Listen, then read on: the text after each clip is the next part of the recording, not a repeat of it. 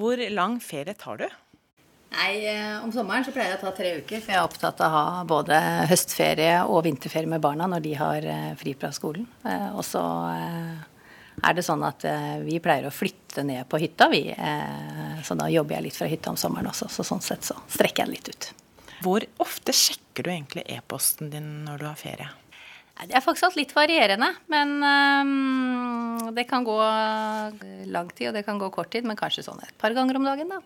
Hva skal til for å avbryte ferien, da? Nei, Det vil være hvis det er en uh, alvorlig situasjon, en beredskapssituasjon, en krisesituasjon, så vil jeg avbryte ferien. Men ellers så er det mange flinke folk som uh, passer på at skuta holder seg flytende. Syns du det er greit å gå med shorts på jobben? Morsomt at du stiller det spørsmålet, for det, jeg, det, er det en ansatt som har stilt meg en gang. Jeg ansatte en person på Oslo universitetssykehus som lurte på det. Går det an å gå med shorts på jobben? Da sa jeg at ja, det går fint. Bare du i noen offisielle situasjoner kan, eh, kan ta på deg noe annet. Personlig går jeg ikke i shorts. Nei. Men litt korte skjørt av og til? Korte skjørt går. Hvor går grensene på skjørtene? Nei, du, jeg har ikke noe sånn uh, fingrense. Men jeg må føle meg anstendig.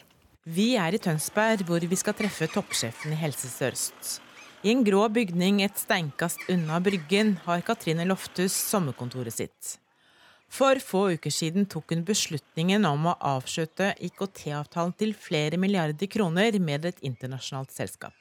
Bruddet kom etter at NRK avdekket at IT-arbeidere i Asia og Øst-Europa i flere måneder hadde hatt tilgang til sensitive pasientdata til halve Norge i strid med loven. Hva har du lært av dette? Nei, av den eh, IKT-saken som gikk på, på, outsourcing, så er det klart at jeg har både lært mye og fått bekreftet mye. Både knyttet til hvor komplekst eh, dette er. eh, hvor viktig det er at vi har utrolig grundige prosesser. Hvor viktig det er at vi gjør gode risikovurderinger. Og til syvende og sist at vi nå sitter på kontrollen selv. Selv om vi er avhengig av å, å bruke markedet og leverandører, og det er jo andre som lager systemene for oss, så må vi sitte på, på kontrollen selv. Og også dette, både den outsourcing-saken og ikke minst denne, dette innbruddet, datainnbruddet vi hadde også, så viser det jo noe om hvor sårbart eh, dette er. Eh, og hvor viktig at det er at vi har fokus på dette med informasjonssikkerhet og personvern hele tiden. Absolutt hele tiden. Hva, hva, gjør dere, eller hva gjør du for å rette opp tilliten hos befolkningen til Helse Sør-Øst? Det er sånn at Tillit det er lett å bryte ned, og så tenker jeg at tillit det bygger man ikke opp uten uh, gjennom handlinger. Så, så, for meg nå så er det viktig at vi viser at vi får uh, gjort den jobben vi hadde tenkt å gjøre, nemlig å, å modernisere infrastrukturen vår, for det, det, trenger vi. For det vil nemlig bedre sikkerheten, uh, paradoksalt nok. Når vil pasientene merke det, da? Pasientene vil egentlig aldri merke det vi gjør med infrastrukturen. Det pasientene merker, det er jo de systemene som driftes oppå infrastrukturen. Eh, og der pågår det mange spennende prosjekter i Helse Sør-Øst i dag også. På dette tidspunktet i... i intervjuet begynner Katrine Loftes å tegne for å forklare hvordan IT-systemet til Helse Sør-Øst er bygget opp. Det er, det, er det, det er der hvor serverne som systemene kjører på. Og så er det systemene på toppen, som er liksom huset. Og så kan vi si at på taket så kan vi legge mer sånne systemer som kan snakke med mobiltelefonen din og sånne ting. Eh, og det at eh, en pasient opplever at vi ikke har systemer som snakker sammen, det er systemene som vi må slå sammen, og det holder vi også på med. Mm. Så er det klart at det er lettere å slå sammen systemene hvis infrastrukturen er moderne og i orden. Så det har du rett i. Du er jo egentlig lege. Hvorfor sluttet du å være lege? Eh, nei, det var egentlig litt, eh, litt tilfeldig. Eh, det er sånn at eh, jeg har eh, alltid sett på at det har vært et, eh, egentlig et stort privilegium å få lov til å være lege og få lov til å bruke noe av min tid og min kompetanse til noe som betyr så mye for andres, andre mennesker. Altså dette med, med liv og helse. Og så var det litt tilfeldig, og så er det klart at jeg brenner veldig for et eh, godt, sterkt offentlig norsk helsevesen. Og så at eh, det var behov for at noen er eh, villige til også å ta andre typer stillinger. ønsker å være med å påvirke og dra utviklingen av vårt helsevesen i riktig retning, sånn at dette bærer seg og står seg inn i fremtiden også. Hva er riktig retning for deg? Det som er riktig retning, er at vi hele tiden jobber for å eh, forbedre kvalitet eh, og pasientsikkerhet, og ikke minst det at vi, at vi sørger for at dette er bærekraftig, sånn at vi kan ha den goden det faktisk talt er i Norge. At uansett alder eller kjønn eller bakgrunn eller etnisitet eller økonomi eller hva vet jeg, så har vi krav på, på gode og likeverdige helsetjenester. Hvordan ser du på din egen makt? Det er klart at Som jeg sa i stad, så, så, brenner jeg for et, eh, et godt, sterkt norsk offentlig helsevesen. Og det er klart at jeg sitter i en, eh, i en viktig posisjon og er eh, ydmyk i forhold til det. Og ønsker å, å benytte muligheten til å være med å utvikle norsk helsevesen sånn at det er bærekraftig inn i fremtiden, og sånn at vi hele tiden tar i bruk nye metoder og, og, nye behandlinger, og hele tiden forbedre oss på dette med kvalitet og pasientsikkerhet. Blir du eh, lykkelig over å ha makt? Nei, jeg blir ikke lykkelig over å ha makt, men jeg, jeg er i en, eh, i en, stilling hvor jeg, eh, sammen med alle de flinke folkene jeg jobber med, har muligheten til å Eh, utøve innflytelse, så må, så må, vi huske på det systemet som, som, vi og jeg lever i. Da. Det er jo slik at det er jo storting og regjering som, som setter eh, føringen, og som er eh, Departementet er vår eier, og som, som på en måte eh, beslutter hva, vi, hva, som skal være målsetningene våre. Og så jobber vi for å, for å, prøve å dra i riktig retning. Og så er det jo ute på helseforetakene at pasientbehandlingen eh, skjer. Så sånn sett så er vi i midten her, holdt jeg på å si. Det er hvor egentlig kjernevirksomheten utøves, og, og der hvor, eh, hvor, egentlig makten ligger, ligger jo i storting og regjering. Og det, det, er jo slik vi ønsker det, og vi er jo glad for å leve i et, eh, et demokrati. Mm. Hvordan definerer du makt? For meg så er det viktig at man eh, når man sitter i posisjoner hvor man har stor innflytelse, at man er seg det ansvaret bevisst og sørger for eh, gode prosesser, eh, involverende prosesser, sånn at man sitter på, på, best mulig beslutningsunderlag når man skal ta beslutningene. Det er det jeg er opptatt av. Hvor mye makt ligger det i kunnskap? Det ligger mye makt i kunnskap. Jeg er en person som har tro på at det er viktig at man eh, har kunnskap om det man leder.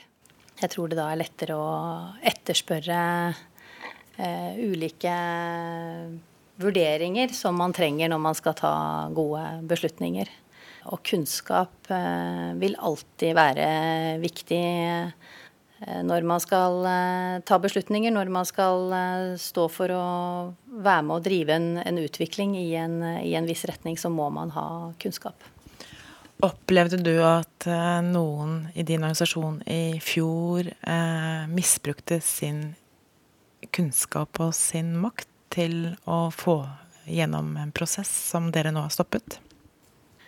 Så Først og fremst er det viktig å si at uh, som du var inne på, dette skjedde på min vakt, så til syvende og sist er det, er det mitt ansvar. Og så er det klart at man er eh, avhengig av i en stor organisasjon å ha, ha flinke folk eh, rundt seg. Og, um, og, det er sånn at når det da er fakta som ikke kommer på bordet, så er det, så er det vanskelig og krevende. Det er klart. Det er det det er, vel, er det misbruk av makt, som du ser det? Jeg vet ikke helt om hvordan jeg har definert det, men ja, kanskje et spørsmål jeg ikke har lyst til å svare på, tror jeg. Ja, hvis jeg kunne velge det sånn denne gangen. Du sa tidligere til oss at du var forbanna og skuffet. Eh, har du fått noen mer tanker rundt det?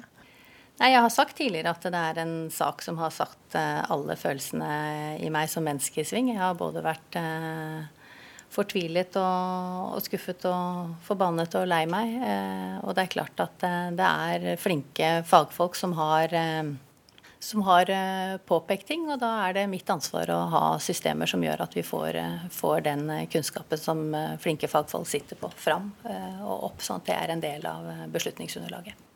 Men tror du det også var litt slik at uh, sjefer som deg og andre, uh, og kanskje også politikere, tenkte at uh, de som ropte litt varsko, slåss mer for sine egne arbeidsplasser enn for IKT-sikkerhet og personvern?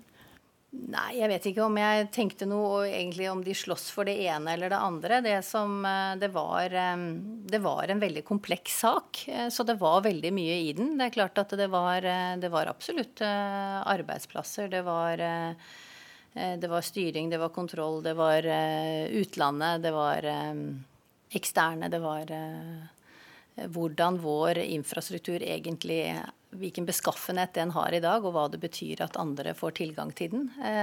Så det var jo et utrolig komplekst bilde. Men det er jo sånn det er mange ganger, og da må man passe på at man får, får alle, alle synspunktene og fakta på bordet, og ikke være redd for å at ikke det er Altså, ting må ikke være enhetlig når det kommer opp til beslutning i en ledergruppe. Der kan og skal alle variantene være med, sånn at vi får sett helheten. Så framover vil du lytte litt mer til flere da, kanskje? Ja, jeg vil si at jeg egentlig prøvde å lytte ganske mye. Jeg hadde både møte med, med fagforbund og mine egne tillitsvalgte gjentatte ganger. Vi satte i gang noen ekstra undersøkelser av et alternativ som, som eh, ikke var godt nok belyst, hvor vi satte på ressurser på det. Så eh, det er klart. Men ja, jeg eh, vil eh, gjerne lytte, og har hatt ekstra møter med de tillitsvalgte i Sykehuspartner f.eks. i den prosessen vi har vært gjennom nå, for å, for å ta valget om veien videre. Hvilke råd vil du gi til unge som ønsker å bli ledere? Nei, altså først og fremst så vil jeg eh, si at eh, kunnskap eh, er viktig. Eh, jeg har tro på de som leder eh, sektorer som, eh, som, de har noe kompetanse om. Jeg vil si at man må ikke være redd for å ta utfordringer. Og så vil si at eh, Først og fremst så tror jeg ikke man alltid skal være så opptatt, eh, i hvert fall tidlig i karrieren, om man skal lede eller ikke lede, men at man jobber med noe man eh, trives med, og at man har jobber som man finner interessant, og hvor man føler at man kan gjøre en, en forskjell. Det er, er viktig. Og så får man gripe de mulighetene som byr seg etter hvert. Du har valgt å få fire barn, og har, du er en av de få kvinnelige topplederne i Norge. Mm. Du hater sikkert å få spørsmål, og menn får ikke spørsmålene. Men hvordan får dere alt det henge sammen? Nei, vi har, eh, vi har en eh, logistikk som, eh, som, går rundt. Da. Jeg har De eldste barna er flinke til å hjelpe til med hun yngste. Vi har noen fantastiske jenter i nabolaget som vi har som, som, jobber i en barnehage som er rett ved oss, som vi har engasjert litt noen ettermiddager i uken. Ja, jeg jobber mye, men mitt, min, mitt sånn pusterom er at jeg begynner aldri tidlig på jobb, så jeg tar barna om morgenen. Så, så til sammen sånn så, så, får vi det til å gå. Og så prioriterer jeg skoleferiene. Det er viktig for oss. Så, Hva er drømmesommeren for deg? Nei, Drømmesommeren den har jeg egentlig rett utenfor, utenfor uh, hyttedøra nå. Det er uh, her i Vestfold i uh, strålende fint vær hvor man kan få vært på sjøen og, og kose seg, det syns jeg er helt glitrende. Sammen med jeg har Foreløpig det er jo, begynner å bli noen av barna som vil litt sånn til og fra ikke være på hytta hele tiden. Men foreløpig har jeg alle fire barna på hytta, så det, da syns jeg jeg har det helt, helt som plommen i egget. Bader du hver morgen? Ikke hver morgen, men jeg har barn som syns jeg er skikkelig treig for jeg ikke bader hver morgen. Så helst så drømmer jeg jo om å ta en liten joggetur og ta morgenbad, da. Og jeg eh, får det til ganske ofte, men eh, ikke hver dag. Ha en god ferie, da. Tusen takk.